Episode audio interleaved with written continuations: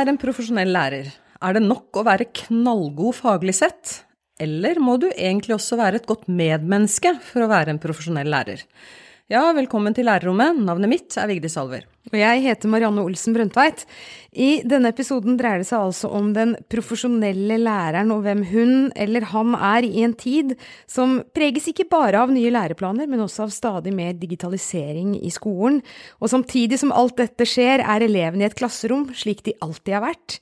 Ulike individer som kommer til skolen med ulik bagasje og ulikt temperament. I dette bildet må den profesjonelle læreren både balansere og sjonglere for å sy skoledagen sammen, på beste vis for enkelteleven og fellesskapet. Og for å grave litt dypere ned i episodens tema, så har vi som vanlig med oss gjester hit i lærerrommet. Vår ene gjest er deg, Øystein Imsen. Til daglig er du inspektør ved Kjenn skole i Lørenskog, og du er også en mye brukt foredragsholder. Hallo, alle sammen. Og episodens andre gjest er deg, Håvard Tjora. Du har vært programleder for Blanke ark, du har en fast spalte i Dagbladet Magasinet, og er også en mye brukt foredragsholder. Og for tiden så er du også lærer i Oslo, på Vålerenga. Velkommen. Takk for det. Og Håvard Tjora, en profesjonell lærer, hva er det, slik du ser det, hvis det går an å si noe litt kort om det? Skal jeg si kort om det? altså, jeg tenker som du sa innledningsvis, du må jo kunne faget ditt, selvfølgelig. Men så har jeg snakket mye om på foredrag at det er også en, en relasjonsside i møte med elevene. Og ja, du kan godt kalle det en medmenneskelighet. Men jeg tenker en interesse for elevene, og det å aldri slippe i at vi må klare å like elevene våre, og komme så tett på dem at vi har en påvirkning på dem. Jeg vet ikke hvor kort du vil ha det, men jeg tenker at det er en, en side som jeg er opptatt av, er at skal du snu et menneske eller forandre noe hos et menneske, så må du også ha en relasjon hvor det er mulig. Og da fordrer det at eleven i hvert fall respekterer deg, og aller helst liker deg som lærer. At det du sier har betydning for denne eleven. Mm. Men eh, hva betyr det da å ha en pedagogisk profesjonalitet oppi det her? Eh, altså, det tenker jeg det er mange ting, egentlig. Eh, men det går jo på at jeg i hvert fall for å snakke for min egen del, jeg har veldig ofte kommet opp i situasjoner hvor jeg tenker at dette her veit jeg faktisk ikke helt hva jeg skal gjøre med. Eh, med barn med ulike vansker, om det skal være lesing eller matematikk, eller om det er eh, mobbesaker, eller om det er eh, væremåter. Og så er det noe med hvordan forholder vi oss til de vanskene, faglig sett. Lar vi det skure og gå og tenker, prøver det jeg tenker er best, eh, og har vi en faglig begrunnelse for å gjøre det? Eller oppsøker vi litteratur eller andre kolleger, diskuterer dette i et ja, profesjonelt fellesskap. Da. Og det tenker jeg er en, en, veldig viktig del av det, at du ikke står liksom aleine med alle utfordringer og tenker jeg gjør mitt beste og det får være godt nok, fordi det er ikke alltid at det man tenker er det beste, allikevel er det riktige.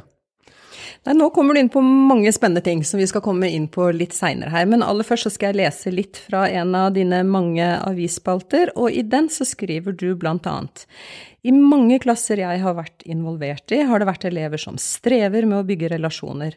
Et barn som f.eks. har opplevd svik fra voksne, vil ofte være skeptisk til å binde seg for sterkt. En del lager mye styr og knuser gang på gang tilliten som er bygd opp. Noen lærere blir fortvilet og kanskje fornærmet over at dette mennesket, som de har investert så mye tid og krefter i, velger å bryte relasjonen. Andre lærere tenker at dette er en nødvendig prosess. Ja, hva vil du si til dette? Jeg tenker at det er en nødvendig prosess. ja. Eh, det er jo, ja, som jeg i og for seg har skrevet der, at det er jo Det kommer ikke med noe som er lett. Det er ikke slik at du bare går inn og så lager en relasjon, og så har alt løst seg for veldig mange elever er nettopp der at de gang på gang utfordrer og de bryter, og de setter egentlig veldig på prøve som menneske. Jeg tenker at eh, som lærer så, så, strever jeg egentlig å være et, Eller så strever jeg etter å være en bedre versjon av meg selv enn den jeg kanskje er til vanlig. Mm. At det er på en måte min eh, ja, Gå på yrkesstolthet og også ja, profesjonalitetssiden. da. At jeg må tåle mer, jeg må utholde mer, og jeg må gå dypere i meg sjæl når ting blir vanskelig. Og det er krevende. Visst er det kjempekrevende, men, men det tenker jeg kreves av oss som profesjon. Og det er veldig mange situasjoner i skolen som er veldig veldig krevende, og over tid er veldig krevende. Eh, så det er også et veldig viktig poeng for meg når jeg skriver ting i Dagbladet eller holder foredrag, at det er Jeg har aldri sagt det er lett, men det, er, men det kreves av oss allikevel. Og det du også har skrevet og sagt mange ganger, er at det er vanlig å streve med skolen. Og er det mulig å være en god lærer hvis man ikke også er en god relasjonsbygger? Skal ikke jeg stille meg til doms over alt og alle, men eh, for meg så må jeg si at eh, Ja, jeg får si på vegne av mine erfaringer og mine egne barns erfaringer, så tenker jeg at det er ganske vesentlig. Å ha en relasjon hvor du kan komme inn til elevene, i hvert fall hvis du får klasser som ikke er holdt på å si helt A4 og, og bare går av seg sjøl, så tror jeg det er en ekstremt viktig side. Imsen, hva er personlig egnethet, slik du ser det? Oi, ja nå er du inne på det man sier når man skriver en sånn uh, jobbannonse. og vi, vi, skal ha folk som skal søke på lærerstillinga, så skriver vi jo det. Du skal være personlig egnet. Nei, Det er jo for at vi, vi som er ledere skal kunne på en måte sile ut de som vi mener ikke er personlig egnet. Men det kan jo være feil, at vi tenker feil. Jeg tenker på meg sjøl òg, det Håvard sier her, om det med å være profesjonell. Hvordan var jeg den gangen jeg var helt fersk og var lærer? Hvor mange feil gjorde ikke jeg? Hvor uprofesjonell var jeg ikke? Hvor lite peiling hadde jeg egentlig på den jobben jeg skulle gjøre? Jeg var jo helt ute og sykle.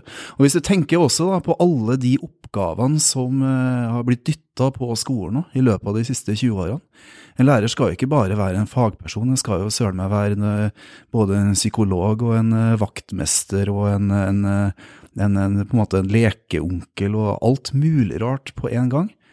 De menneskene som får til alt, det finnes jo ikke. Så jeg tenker det som er helt avgjørende da, personlig egnethet handler jo om det å på en måte innse at du ikke klarer det, og spør om hjelp. For det sitter så tungt i oss, kanskje litt i noen lærerkulturer. Når man kommer inn på nye skoler, så kan det være litt sånn ja, du er lærer, og du skal, du skal få til alt. Du skal stå i enhver storm, og du skal være sterk, og du skal møte foreldre, og du skal møte rådmann, og du skal møte media, og du skal møte elevene, og alt mulig rart. Jeg tror ikke det er mulig. Men det å kunne på en måte ta en tur over til kollegaene dine, ta en tur og på en måte legge seg flat og si det her får jeg ikke helt til, men kanskje vi kan få det til sammen. Det kan du også gjøre med elever. Men i hvilken grad er det tillatt eller lett eller enkelt for en lærer å stå i den usikkerheten og innrømme den usikkerheten, og hvor, i hvilken grad er det en del av et miljø som det heies fram? Oh, og ja, og det der er jo akkurat når vi snakker om profesjonsfellesskap, som er det store finnordet som kommer med fagfornyelsen.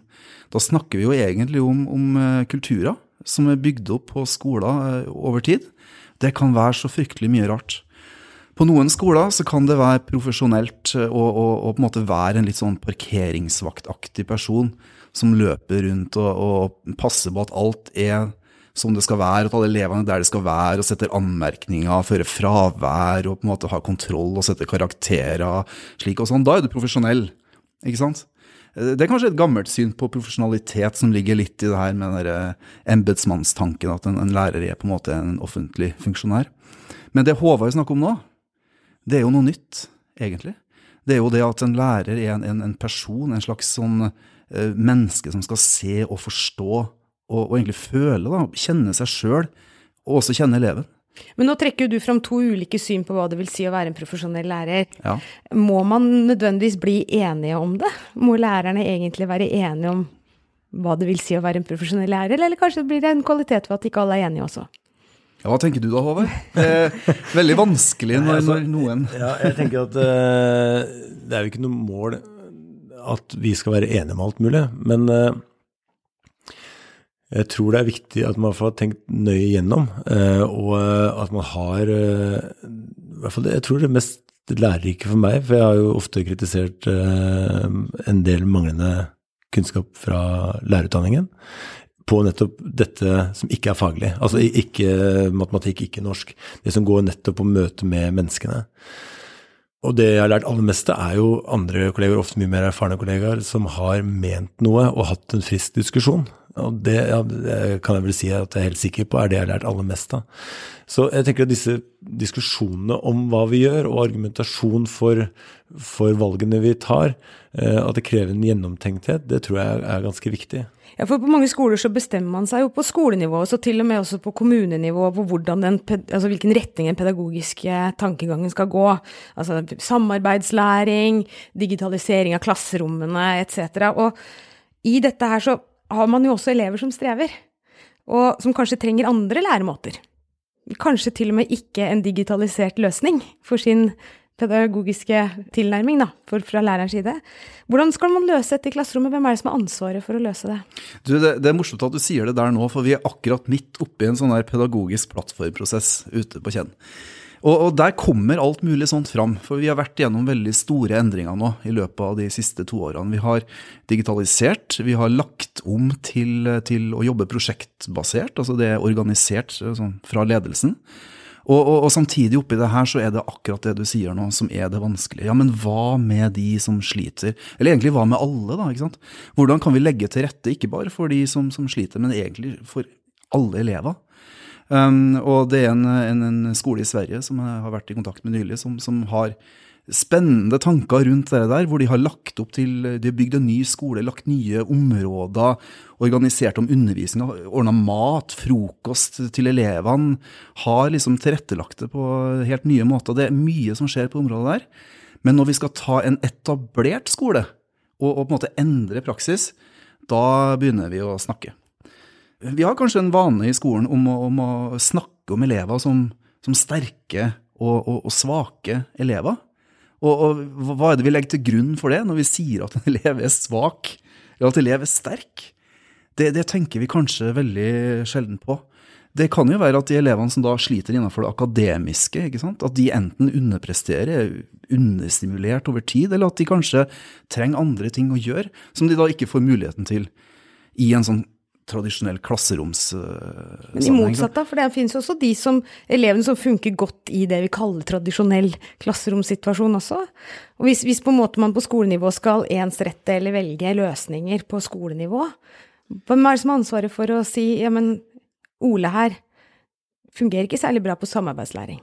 Ja, hadde ikke vært veldig dårlig gjort om vi bestemte at nå skal alle på skolen jobbe slik, mm. etter det programmet. Mm. Fordi at det er forskningsmessig bevist at det fungerer slik. Og så er det jo ikke slik at noe fungerer likt alle steder.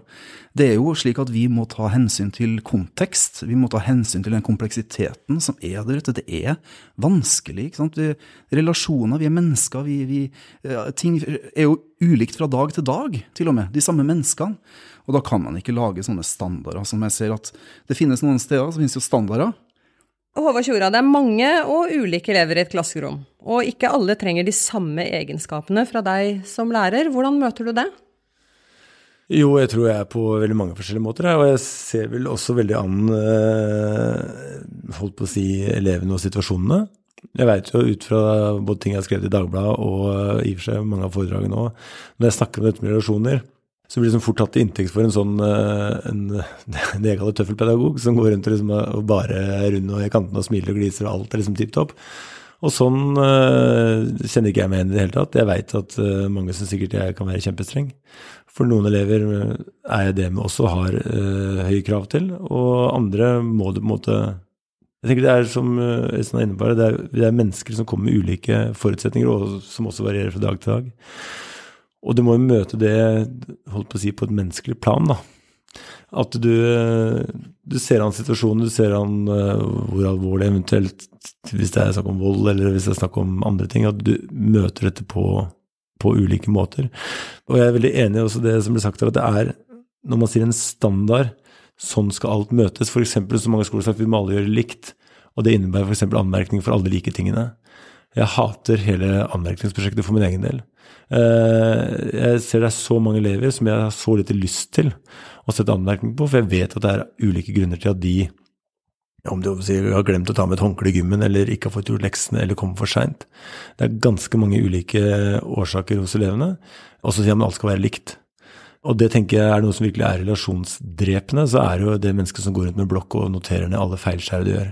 Jeg gjør masse feil i løpet av en dag, og hvis rektor skulle gått rundt og sagt oi, der kom du for seint til fellestid, eller du har glemt å rette den bunken Jeg hadde jo, jeg hadde jo ikke vært i den jobben mer enn jeg måtte, på en måte. Og det er Jeg syns det er Jeg skjønner når man sier at man må gjøre likt, men jeg ser også det er veldig veldig trøblete. Og i hvert fall når du begynner å standardisere pedagogikken og si at dette er måten dere skal undervise på. F.eks. når man har sånn eh, early years, hvor man sier at skal være, du skal være 20 minutter eller 12 minutter på hver post, og så skal du videre. Og det må alle gjøre så og så mye i løpet av en dag. Så tenker jeg, er det Treffer det alle lærere på sitt beste, på en måte? Er det da du skinner mest og gir mest energi til klassene, eller blir det en veldig stilisert sånn? organiserer jeg det, men jeg, jeg brenner ikke for det sjøl. Det ser jeg veldig mange forsøk man har hatt med skoler. Nå skal kommunen innføre denne formen, denne måten. Eh, så er det jo også noe med å ha med seg hva er det, når er måte, du på ditt beste òg? Når er det du greier å overføre din entusiasme, din energi til elevene? Og tenker også En viktig del av hele profesjonsdebatten er det riktig å si at dette er standardmåten alle skal gjøre det på alltid? Eller er det også noe med autonomien, da, som jeg vet også har vært et skjellsord i, i, i diskusjonen om skolen, at, at, lærere gjør bare som sjøl vil, og så går på tvers av all forskning og alt. Men jeg tenker, når det fungerer, når du ser at du kommer nære elevene, når du ser at de er engasjerte, du ser at du får med de som kanskje til vanlig ikke er med, tenker da må man jo tro på at det faktisk fungerer. da. Men så er det jo Ja, du vil si noe? Ja, tenk litt på den der læreren som løper rundt med blokka si og setter anmerkninger.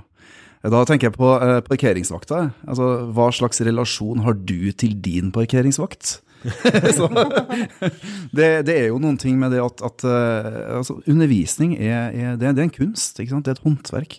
Det kan ikke standardiseres. Det blir jo det samme som at Sigøynerpiken er det eneste tillatte kunstverket på alle norske galleri. Om vi skulle gjøre det slik at all undervisning skal være på en måte uh, et ferdiglagd produkt. Da. Men det er jo det er kanskje det vi får da, det, hvis man tenker marked og skole. Så er det slike lærere, slik undervisning man får.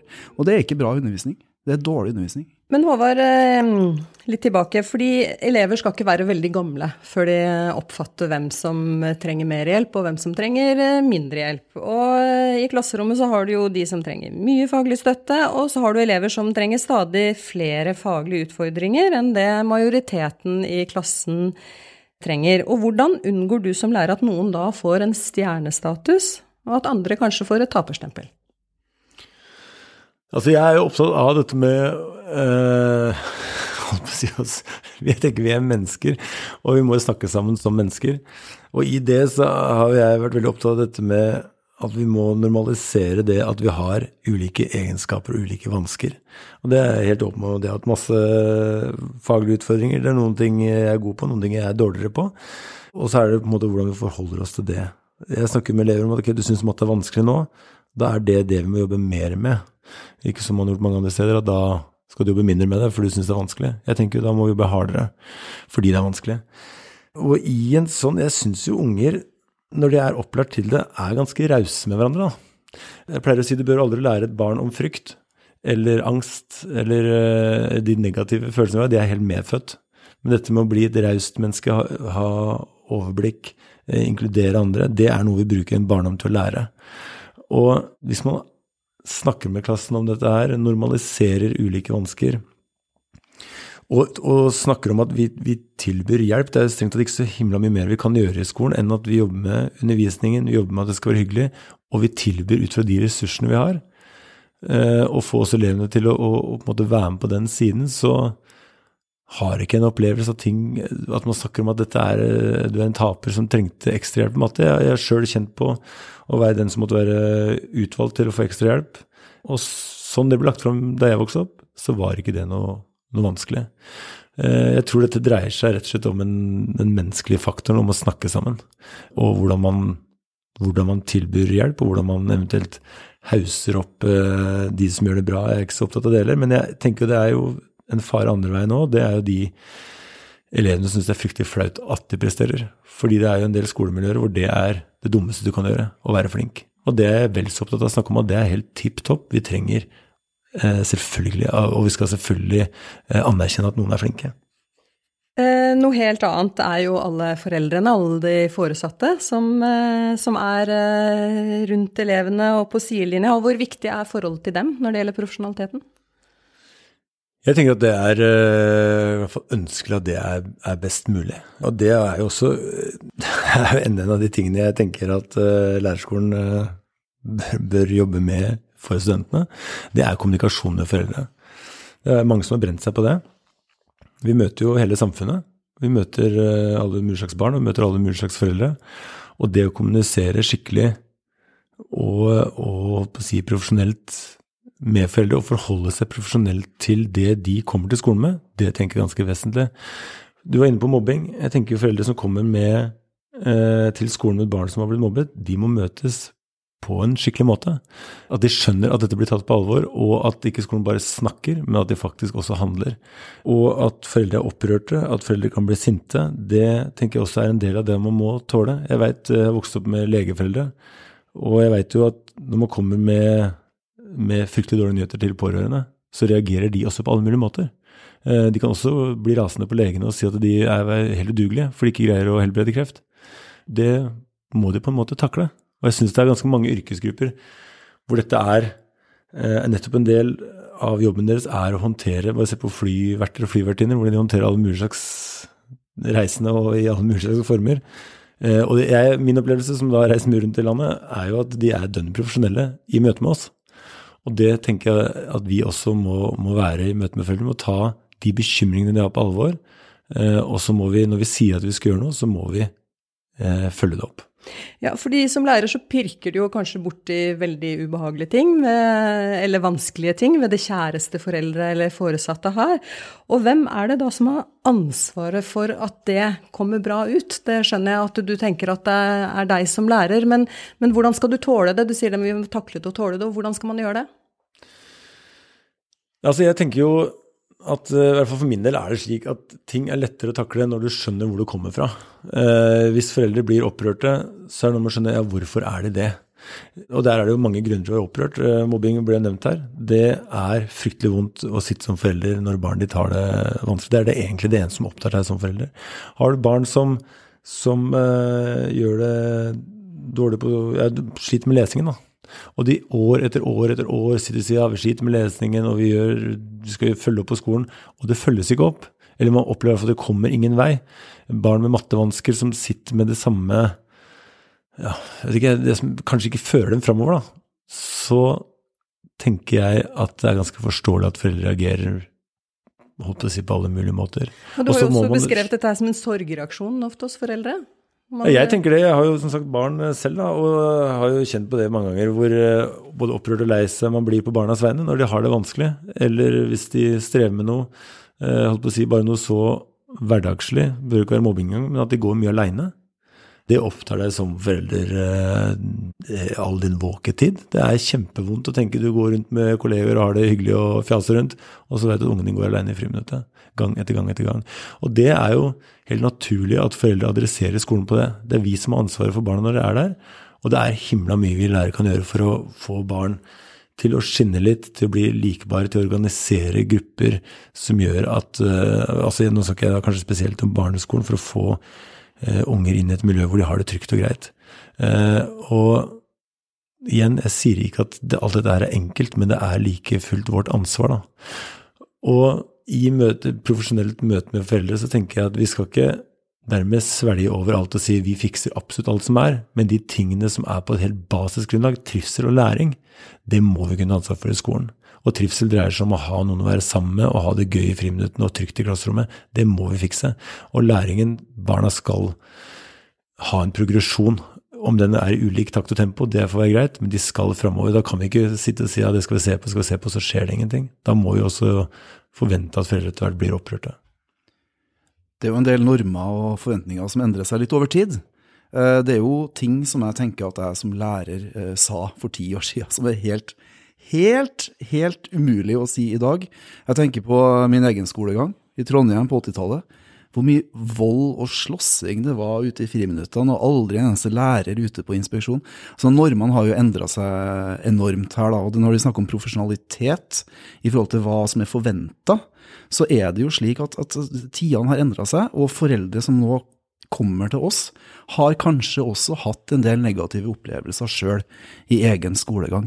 Og det her er jo ting som de også tar med seg i møte med skolen. Det er ikke sikkert at de har fått med seg hvordan vi prøver å endre oss, eller hvordan vi prøver å få til ting, men, men kommer da sant, med, med, sine egne kanskje mobbehistorier fra den tida de gikk på skolen på 70- eller 80-tallet. Og, og, det preger jo også da møtet der, så det må man også tenke på. I dette profesjonelle møtet med den eh, autonome og profesjonelle lærer, så vil jo noen da stadig vekk stå i disse tvilsituasjonene, men man skal også være ganske modig for å snakke om den usikkerheten som man da har, også profesjonelt sett. Hvordan skal man hjelpe lærere til å ta den pusten i bakken, til å stoppe opp og tenke og vurdere sin egen praksis? Du trakk pusten, begge to. Eh, Skal du begynne? Du kan eh, ta Ok, ja. Altså, du, du nevnte jo nettopp det. Eh, tid er jo kanskje den viktigste ressursen i skole. Og når vi skal på en måte tenke at, at vi skal endre praksis her, og vi skal endre praksis sammen, så må vi ha tid sammen. Og da må vi organisere den tida sammen. Og det er vanskelig å organisere det. Og når man har den tida, så må man ha de samtalene som vi har i denne podkasten her nå. Vi må snakke om det som er våre erfaringer, våre verdier, våre normer. ikke sant? Håvard er nødt til å fortelle meg om, om sin oppvekst og sin opplevelse som elev, og, og sliter med matte. Og jeg er nødt til å fortelle om hvordan det var å, å være i slåsskamper på skolegården i Trondheim. Vi er nødt til å, å være bevisst på våre egne normer, sånn at vi sammen kan finne ut hva, hva det er som former vår praksis. Ja, jeg. altså, jeg vil også skyte, Du var inne på det, Sten. Jeg tenker på dette her som ble nevnt om rammer. Det jeg tenker også er en ganske vesentlig del av dette her. Og det er også, som vi har vært inne på begge to, tror jeg i hvert fall, i løpet av denne podkasten, det er jo også at eh, jeg ser bare i løpet av de 20 åra jeg har vært her, at det er en kjempestor forandring. Både i samfunnskrav og, og også en del utfordringer som i hvert fall jeg tenker var utenkelig før, men som er ikke så utenkelig nå i forhold til eh, en del væremåter hos en del elever. Eh, og Det ser bare på voldsbruken mot lærere, som har økt voldsomt. Eh, I hvert fall innrapporteringen av det har blitt veldig tydelig på at det er jo flere tusen bare i Oslo-skolen i løpet av et år hvor det er vold og trusler mot lærere. Og Der må man også se på rammene rundt møtet med en del av disse barna og ungdommene som kanskje har mye mye større vansker enn det som én lærer med 28 elever kan stå og håndtere. Og det vi vet også, man snakker om at en fjerdedel av jenter i ungdomsskolen og videregående har store psykiske vansker, altså angst, depresjon er vel det som går mest igjen, så må man også se på ja, hvor godt rusta er vi lærere til å møte alt dette.